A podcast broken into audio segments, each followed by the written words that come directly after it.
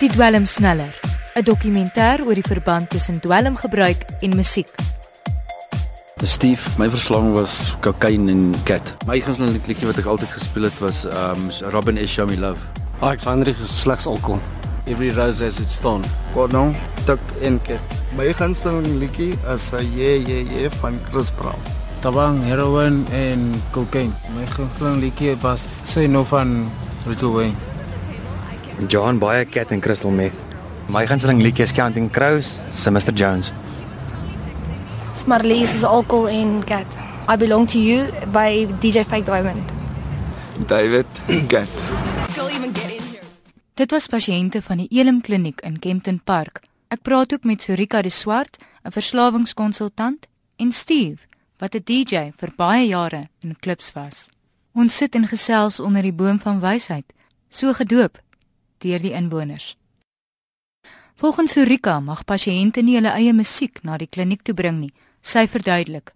Weet jy, dis een van ons reëls wat ons al vir baie jare het en die rede daarvoor is dat ons vind dit trigger hulle. Jy weet dit sneller hulle partymal om om terug te val. Baie maal as 'n ou gebruik of jy hou 'n braai en jy drink ietsie, dan is daar musiek by betrokke.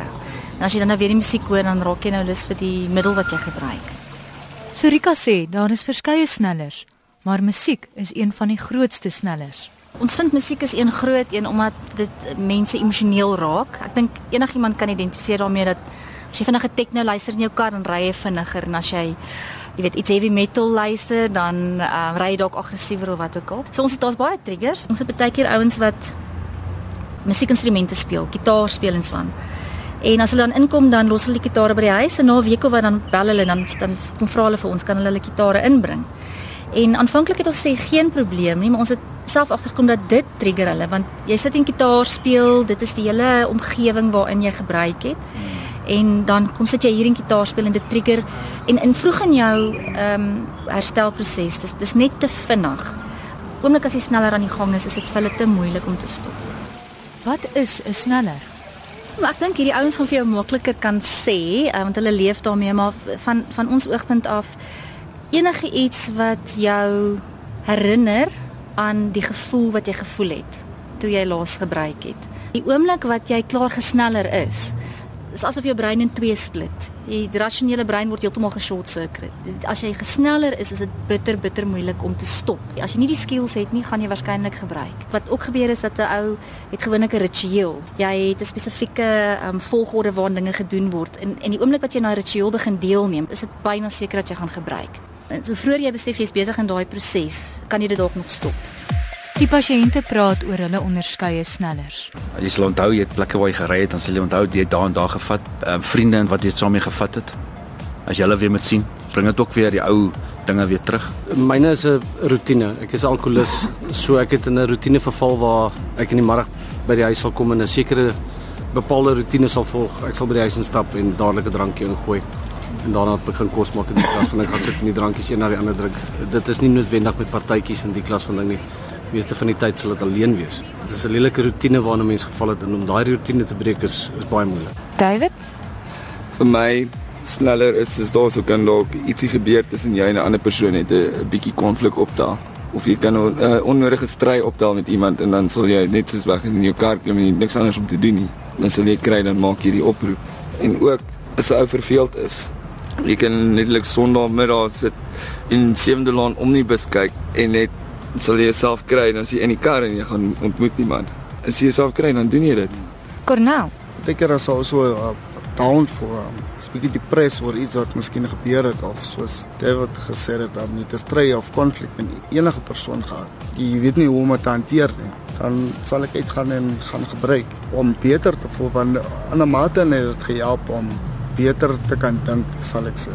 Dit is 'n gewone ding wat ek elke dag gedoen het. Fisies kon ek nie reg dink sonder dit nie. En dan sal ek teruggaan na die persoon toe en dan sal ek nederig wees en verskoning vra as ek verkeerd was. Partytjies en so wat betrokke is, um, ou sal so 1 of 2, 3 biertjies drink, dan jy in die vibe kom, as jy in die vibe is, dan gaan jy vir jou lentjie. Weet jy daar's verskillende goeders, maar kom ons sê jy kom op 'n leesakkie af van waar die dwelms verpak was van die vorige keer. As jy op so 'n sakkie afkom, dan is dit dadelik my is dit vir my sneller as ek byvoorbeeld my hand in my verskeilde sakkie binne my beursie indruk. Want dit is wat ek altyd met dwelms bære.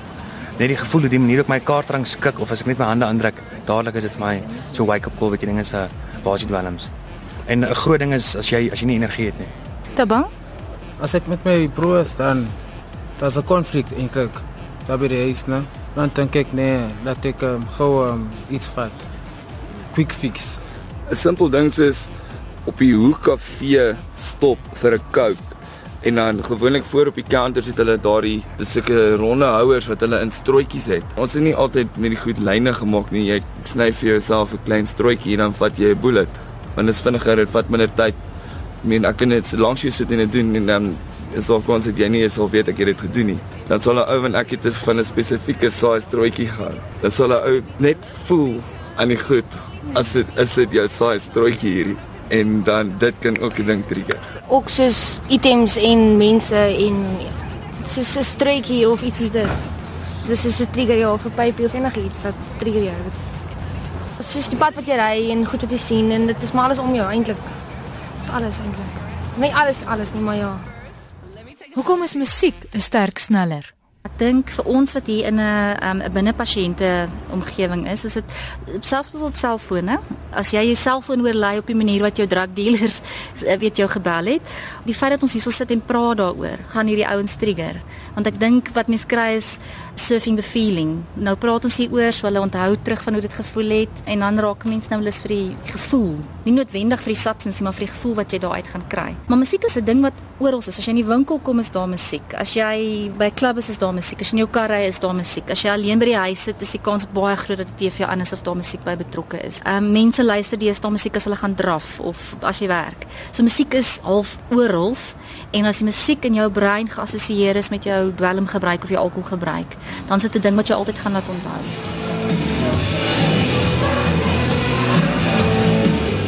Is musiek 'n sterker sneller as ander snellers? Die pasiënte vertel. Ek dink um, ek dink dit hang af in watter omgewing jy is. Baie keer as jy in 'n omgewing van nou as jy tussen mense, nou drink jy 'n drankie en nou begin die musiek speel, nou dan is dit definitief baie sterker sneller as wat ek my hand in my beursie sal drink. Jy gaan na 'n vriend of van jou en hulle sit en luister musiek.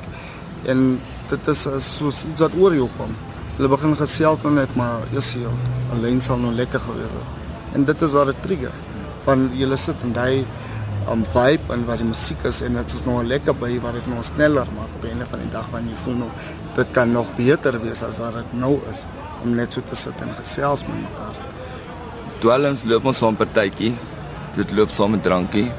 'n Ou weet het daai ou daai meer selfvertroue en jy sal wil uitgaan klubs toe waar daar so die tipe musiek speel natuurlik wat jy van hou. En dan daarso ontmoet jy mense en jy het maar jou beste en jou goeie tye daarso wat jy laat terugdink en weet natuurlik 'n trigger kan wees. So ek sou sê musiek is 'n groot trigger. Die atmosfeer reg is en die musiek is reg dan sal ek wees van nou lyne want dan kry jy weer daai haai en alles en dit dit is baie lekker maar ja, dit is soos gisteraand het jy 'n liedjie gespeel dan is dit soos o, oh, onthou jy daai tyd en dit jy dink aan dit. Dit dit is maar net so. Dit is 'n vinnige trigger. Vinnige een. Maar laat die musiek jou dieselfde ervaar wat die dwelm jou laat ervaar. Nee wat? Nee. Nee, dit is nie Glad nie. Dit is net soos jy jy onthou vanaand dan is dit soos oh, ons het dit gedoen, dit gedoen en ons is daar en dan dan voel dit net soos eintlik dit sal nou lekker wees eintlik. Steve, die gewese DJ, en die pasiënte sê dat die musiek anders klink as hulle onder die invloed van die dwelms is. Die eerste keer toe ek die musiek gehoor het sonder dwelms het dit vir my geklink soos 'n klomp gemors. En toe ek die eerste keer my dwelm gevat het, toe maak die musiek vir my oop. Toe word dit soos 'n toe speel dit af soos 'n movie vir my. Ek weet dit is regtig asof die musiek begin lewe. Sodra jy die dwelm vat het en hy begin werk en iets simpels soos ecstasy. Hoe warmer jy word en hoe meer jy dans, hoe meer begin dit werk. En hoe meer word hierdie gevoel vrygestel en is regtig dit is tot die teels op die vloer praat met jou. Dis so erg draak. Dat jy nie iets vat nie. Jy voel elke vibrasie. Jy voel soos die wind deur jou armhare se waai. Voel jy die musiek deur jou armhare, deur jou hare of ewen selfs in jou baard, so jy baard het. Dit voel ek weet nie jy lewe dit. Jy lewe dit. Dit voel die binnekant dit voel heeltemal heeltemal anders te heeltemal. Daar's soos een tune wat net soos heeltyd kort kort speel veral soos met house en sulke tipe musiek. Ehm um, dan daai tune jy hoor hom duidelik. Maar as jy dit nie op dit is nie, dan hoor jy dit nie sommer so vinnig nie. So ja, dit klink heeltemal anders as hele ander ding. Dit maak definitief 'n baie groot verskil. Dit is dit is asof dit jou hele liggaam oorneem. Neem dit dit, dit ja, dit neem fisies besit van jou liggaam. Met heroin, heroin is a downer dan you feel like it's a there's an echo coming in so you can hear anything. You hoor alles dan. Ek sou nie sê die musiek klink anders nie. Ek sou sê ons luister anders na die musiek. Dit sit jou in in jou eie wêreld en dit dit hang af op die, op die high wat jy is en so soos ek vroeër gesê het oor die by wat jy ook in is. Maar definitief musiek sit jou dit sit jou in 'n ander wêreld. Dit vat oor jou liggaam en jy gaan net met elke jy luister jy hoor so fyn elke noot wat in daai liedjie is. Elke noot maak iets aan jou liggaam. Is die lirieke belangrik? Meeste van daai musiek het nie eens woorde nie. Dis net 'n tune wat speel aan een en dit dit, dit woorde maak is al maar baie keer is al musiek met woorde. En ja, dit dit dit maak saak baie keer maar nie meeste van die tyd nie. Dange wat se dwelm jy vat, soos met die cat, jy wil net daai high vat baie keer daai daai happy feeling. So dan woorde maak nie eens regtig baie keer saak nie. Jy luister nie eens na die woorde want jy sal sit in 'n gesprek voer met die musiek in die agtergrond en as daai musiek weer speel sal jy onthou van die gesprek. Dan kom ons sê soos op 'n Vrydag um, namiddag. Julle julle weet julle is uitgenooi na 'n partytjie toe. Julle begin maak klaar en julle kom klaar in die vibe van die musiek speel. Julle maak maar nog net klaar om na die partytjie toe te gaan. En julle begin 'n sny van lyne of rook pik. As jy klaar is en die vibe is so lekker daar waar julle is. Jy skoon vergeet van die partytjie wat jy na toe genooi is. Jy kom nie eens daarby uit nie. Van julle is nou in julle eie wêreld hier waar julle is. En sit en geniet nou net daar. Dan sal jy maar nou môre eers aan. Dis dis nog gister genooi na 'n partytjie toe ons teens daar uitgekom. Dit is um, net wat die musiek kan trigger. As jy nou net daar sit. Stuck in the days, I feel like I'm riding a wave. My life is a roller coaster inside of a maze. I hope it's a phase. I hope it. I hope it's a phase. Hope it's a phase. I feel like I'm riding a wave. Surika de Swart noem verskeie musiekgenres wat met dwelm gebruik geassosieer word. Ek dink boere musiek gaan nou nie noodwendig daarmee saamgaan nie, maar ek dink hip-hop en rap en heavy metal en klubmusiek is waarskynlik die grootes. Steve was vir baie jare 'n DJ in klubs gewees en gee sy mening oor spesifieke musiekgenres en die invloed van dwelmgebruik en musiek. Ek is DJ gewees self omtrent so tussen 6 en 8 jaar. Ek het by al die groot klubs gespeel. Daar's baie style soos soos begin met hip-hop en dan die van die style is ook funky house, progressive trance, psychedelic trance, tunnel trance. Daar's amper 30 style wat jy kan volg as 'n DJ. Maar ek het my spesiale styl gehad wat ek gevolg het.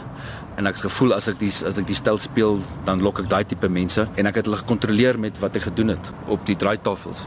Het ek die mense gekontroleer, dan kan ek vir hulle sê vat meer drugs of vat minder drugs want dit is wat ek doen in die musiek. Wat ek bring is ek bring vir hulle 'n message, ek bring vir hulle 'n journey en hulle volg daai journey. En die journey en ek kan vir hulle sê, luister, vat meer van dit of vat meer van dat. Die musiek het alles in. As ek sekere liedjies speel, hulle gaan meer hoor wil gaan en die musiekkontroleur werk presies met die dwelm. Hy werk presies met die dwelm. Die musiek het 'n boodskap. As jy begin die musiek verstaan en jy dit begin DJ en dit, begin binne in jou lewe, die bass is die dwelm die buis self is die dwelm want die buis werk saam met jou hart. Staan dit klop hulle dit werk saam. En dan die dwelm vat jou hoor. So jy gaan op 'n journey en die musiek vat die dwelm verder wat hy moet gaan. Weet jy, hy's in die cool want net soos hy sê hy kan, hy kan jou hoor vat net so bring hy jou af ook. As hulle wil die dansplan leeg maak en dit is tyd om te loop, dan maak hulle hom vir jou leeg. En dit alles deur musiek. Net deur die musiek. Ja. As jy reggae speel, dan dink jy, hulle praat oor dagga, hulle praat oor dan dink jy jy moet daar iets vat. Dis moeilik vir 'n mens om te verstaan hoe kan musiek jou haai kry. Weet as die dromme begin en die gitare begin, dit prikkel jou sintuie. Op onmiddellik begin jou hart vinniger klop en jy haal 'n bietjie vinniger asem en die oomblik wat jy al daai goeters doen, dan gaan die dwelms ook vinniger deur jou lyf. Dis die eerste ding en die tweede ding is ek dink musiek skop die prosesse af van ek jaag die haai. So dit gaan jou nie onmiddellik hoog maak nie, maar dit skop daai jagtog af. Surika sê daar's talle studies gedoen oor die uitwerking van musiek. Bevindings is waarskynlik verskillend, maar die meeste mense vind dat ehm um, musiek is definitief uh, sneller vir 'n terugval as 'n mens baie vroeg in jou herstelproses is. En ek meen daar's baie studies wat vir ons bewys dat musiek 'n effek op jou emosie. As jy sad is, dan luister jy sekere musiek en as jy opgewonde is, dan sit jy doelbewus ander tipe musiek aan. Dan sal natuurlik ook die ehm um, die trance tipe musiek wat Stefan gepraat het wat baie keer saam met kultuur en geloof gaan as ek nou dink aan 'n Rastafarian met wie ek onlangs gewerk het, deel van sy geloofstruktuur is om dagga te rook. Hy kan nie, hy het ernstige geestesgesondheidsprobleme. So wat hulle doen is is dis dreun sang en dan die gebruik van die dagga en dit gee hulle een of ander verhoogde sensitiwiteit vir geestelike goeters. En dit is kultuurvaste goeters wat in baie kulture nou meer gebeur as in ander kulture. Die gebruik van middels is so deel van die kultuur as jy dink aan ons tipiese Suid-Afrikaner, ehm um, braaivleis en bier of rooiwyn en Sondagmiddagete. Dit is baie tipies van ons kultuur. In verband met alkohol onthou meeste van hierdie substante gebruik 'n mens om selfvertroue te kry. As jy byvoorbeeld na popmusiek luister en jy is lief daarvoor om vas te dans, ons wat Afrikaans is, dit sal jou trigger om te dink, "Jesus, ek het goed gevoel, ek het die, ek het die selfvertroue gehad om uit te gaan en 'n meisie te vra om te dans, daardie klas van ding." Waar jy intendeel weer sê, byvoorbeeld jy sit na gospelmusiek en luister, dan gaan jy 'n skuldgevoel hê en jy gaan sê, "Ek kan nie nou drink nie want dit voel nie reg nie. Jy het daardie skuldgevoel. So die tipe musiek waarna jy luister, het sekere tipe triggers. So ja, as jy na 'n lekker danssong gaan luister dan dan gaan jy dink, "Jesus, toe ek 'n paar drankies ingehaat het, kon ek hierdie meisie gaan vra het om te dans." En outomaties as jy daardie musiek hoor, dan dink jy terug aan daardie selfvertroue wat jy gehad het en jy weer daai gevoel van selfvertroue hê, daai euforia wat jy kry uit uit so definitief ja, die tipe musiek waarna jy luister is triggers.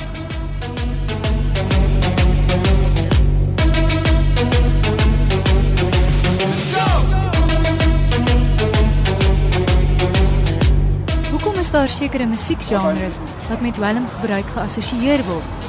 Surika verduidelik. Die, as jy stimulante gebruik, soek jy vinnige musiek want dit gaan die gevoel van die stimulante verhoog en dis nou jou goed soos tik en cat en uh kokain en crack en so aan. En ek vermoed as jy nodig het om rustig te raak, 'n ou wat byvoorbeeld aan angs ly of wat ook al nie kan slaap nie, as jy wil rustig raak, sit jy rustige musiek op en jy drink alkohol of jy neem 'n slaappil of twee en rook miskien dagga. So ek dink dit het te doen met watter musiek die effek van die dwelm gaan verhoog. En dis half instinktief. Jy weet wat dit is wat jy gebruik en jy weet wat dit is wat dit verhoog en dit gebeur half half instinktief daarna. Steve die DJ sê daar is definitief 'n verband tussen 'n musiekgenre en 'n spesifieke dwelm. Daar's definitief 'n verband want as jy ecstasy vat en daar's sekere musiek wat jy wil hoor en dit is happy house en soos 'n progressive house, dit sal jy wil dans. So selfs met MDMA, MDMA werk ook saam met die musiek. Dis pure ecstasy. So en dan kry jy nou weer acid musiek. Jy weet acid um, is al jou trance, is al jou trance musiek want dit vat jou op 'n journey. So en dan kry jy weer meer ehm um, soos industrial musiek. Want industrial sal saam met gaan saam met saam met meer van jou ander tipe dwelms met cat en en coke en daai. Die spesifieke liedjie wat gewild was in in die clubs daai tyd toe ek gedj het was in 1997 uh, Robert S Show Me Love. As jy hom gespeel het het die mense mal gegaan. Dan was hulle al klaar almal op daai level en die liedjie het hulle net baie verder gevat. En daar was ook 'n liedjie ehm um, sy naam was um, My Little Girl van Icehouse wat ook die mense as hulle hom gehoor het dan sit dan is die dansvloer gepak is dit vol. So as ek sekere liedjies gespeel het ek het geweet wat die mense van hou en ek het geweet hoe om hulle verder te kry om hulle hoor te kry. So ek dan het ek daai gekonsentreer op daai tipe musiek en dit het hulle al hoe verder ingedruk. En die grootste ding is as jy in 'n as jy in die klub ingestap het, die eerste ding wat jy aan klaar dink is 'n pil. Of die volgende of die dwelm wat jy van hou. En dis hoe dit werk. Ek myself as DJ, as ek in die klub ingestap en ek begin DJ na 0.5 uur was ek lus vir 'n lyn. Is daar 'n spesifieke kultuur en ideologie wat saam met 'n spesifieke dwelm gaan? Baie van jou heavy metal mense sal ook is ook verslaaf aan heroin. Baie van hulle vat heroin. Daar's definitief ja, definitief 'n verband tussen die musiek en die dwelm. Daar's definitief sekere tipe dwelm vir 'n sekere tipe musiek en dan soos wat jy sê, ek ek dink ek dink enigiets van ons koppel altyd iets aan 'n identiteit en musiek is definitief deel daarvan. As jy miskien um, ek praat oor heroin, né? As jy heroin um, rook, jy soek um, stadig musiek soos R&B of hy stadig reggae en as jy kokain dan dan soek jy daai ja house. Um ek sal sê die musiek wat daarmee gepaard gaan, dit hang af van wat se by jy is. So sodra jy dit gebruik, kom ek sê ek voel nou ongelukkig oor iets, dan sal ek meer gaan oor oor musiek wat wat stadige musiek, um, soos house of blues.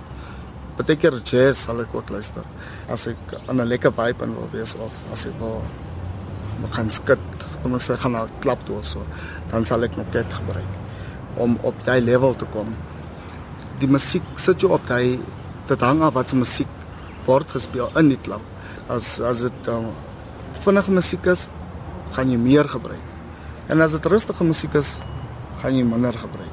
Dit is nie die musiek wat die mood skep nie, dit is partykeer die mood wat maak dit se musiek jy kies. Dit is as jy net maar jy vat cat dan soek jy upbeat musiek en jy wil lekker voel, maar partykeer kan jy cat vat en jy kan sleg voel ook en dan soek jy net iets rustiger of so. Dit, dit hang alles af. Dit hang van persoon tot persoon af. En soos drank ook. Dit is ook as jy soos as ek nou gedrink het byvoorbeeld, dan is ek hartseer, dan sal ek nou wil rustige musiek luister en down musiek luister en dit dit hang maar af van persoon tot persoon. In terme van alkohol, as jy kyk na Afrikaanse musiek, daar's soveel uh, ligte Afrikaanse popmusiek wat alkohol beskryf, bier, braaivleis, uh, biltong, sulke tipe goed. Ligte ligte Afrikaanse pop. Ek kan dink aan aan baie songs soos byvoorbeeld die die een song van die Campbells. Um, dis lekker om hier te wees. Sing hulle van die braaivleis en die bier en die brandewyn en die klas van ding. So daai boodskap kom definitief deur en dit sal vir jou trigger. Jy staan aan 'n hoekie, jy knip vir my ek sweer. Die een van my pelle wou my glo nie, maar toe doen jy dit weer. Jy staan op die vloer, ek sien jy staan en loer. Ek wens jy wil my nou aanvoer. Jy maak lekker dinge aan my wakker, soos 'n geleideroer. Ek vra vir die pasiënte of hulle sekere musiek gaan vermy as hulle uit die kliniek uitkom. Weet jy, ek dink sekere musiek kan ou vir my, maar ek mens word blootgestel elke dag aan die radio of jy loop verby 'n winkelsentrum, daar gaan heeldag musiek wees. Ou gaan dit nie werklik vir my nie. Ek dink ons gaan die dwelms vir my. Ek sal moeite doen om dit te vermy. Dit gaan baie moeilik wees om dit te vermy want jy moet soos alles verander dan, maar ja, dit maar probeer vermy die meeste van dit, maar ja, en die dwelms. Steve, die gewese DJ, sê hy het drastiese stappe geneem om die musiek te vermy. Um, die groot ding is omdat ek so lank in die in die klubs was en ek het so lank hierdie tipe musiek gespeel, het dit my so gebind aan die dwelms en as ek dit weer hoor, dan raak ek weer lus vir daai tipe dwelms en dan wil ek dit weer vat. So ek het heeltemal die musiek heeltemal vir my.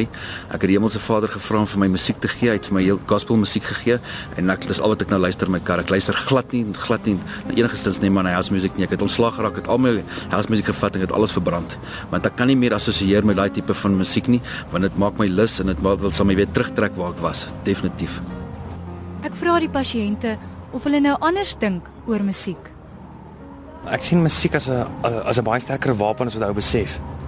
En dis kom ek sal ek net sê, ou kan dit nie daagliks vir my nie, maar jy gaan jou bes doen. En omdat die dwelms gepaard gaan met die musiek, vir my um, eerstens net die dwelms.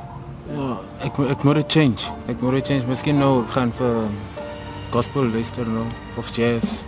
Ja, ek dink um, ek gaan definitief my musiek moet verander want elke keer as ek 'n liedjie hoor waar van ek um, miskien 'n trip gehad het, dan gaan dit gaan dit my herinner daaraan. En ek sal moet my musiek verander om nie terug te val in my in in die pad waarvan af waarvan af ek gekom het. So ek sal dit moet verander. Ek so ek luister anders daarna, kyk ook anders daarna. Ehm um, nou ek wil uit die trap uitkom wat ek in was. En dit is dit is gevaarlik. Ek voel dit is gevaarlik nou. Ja, definitief. Dis hele hele eintlik ander deure wat oopgegaan het. Nou dit is soos oor dit gepraat het ook nou. Maar ja, heeltemal vir my eintlik. Ek dink dit is sekere genres van musiek wat 'n ou na luister en sekere genres wat jy moet vermy in sekere situasies. Soos byvoorbeeld as mens nou by 'n braaivleis kom, moet mens nie hierdie Afrikaanse musiek wat ek nou van gepraat het byvoorbeeld waar hierdie alkoholietjies en daardie tipe goeders in is of waarna drank en partytjies en goeders verwys word nie. So sekere genres sal in sekere sekere situasies moet vermy. So Rika de Swart, die verslawingskonsultant, sê dit mens ook nie moet vergeet van die helende effek wat musiek kan hê nie. Musiek kan ook baie helend wees. Ek kan nie dink aan enigiemand wat nie hoendervleis kry in die oggend as jy in ons kapel instap as jy mense se saam sing nie. En gelukkig is daar soveel genres musiek dat niemand hoef te voel hulle mag nooit weer musiek luister nie. En die oomblik wat 'n mens bewus raak van wat jou individuele snellers is in terme van musiek, kan jy leer om dit te vermy en te vervang met ander musiek. Dit is nie asof dit 'n groot verlies vir hulle gaan wees op die lang termyn nie. Daar's soveel ander musiek wat hulle kan geniet.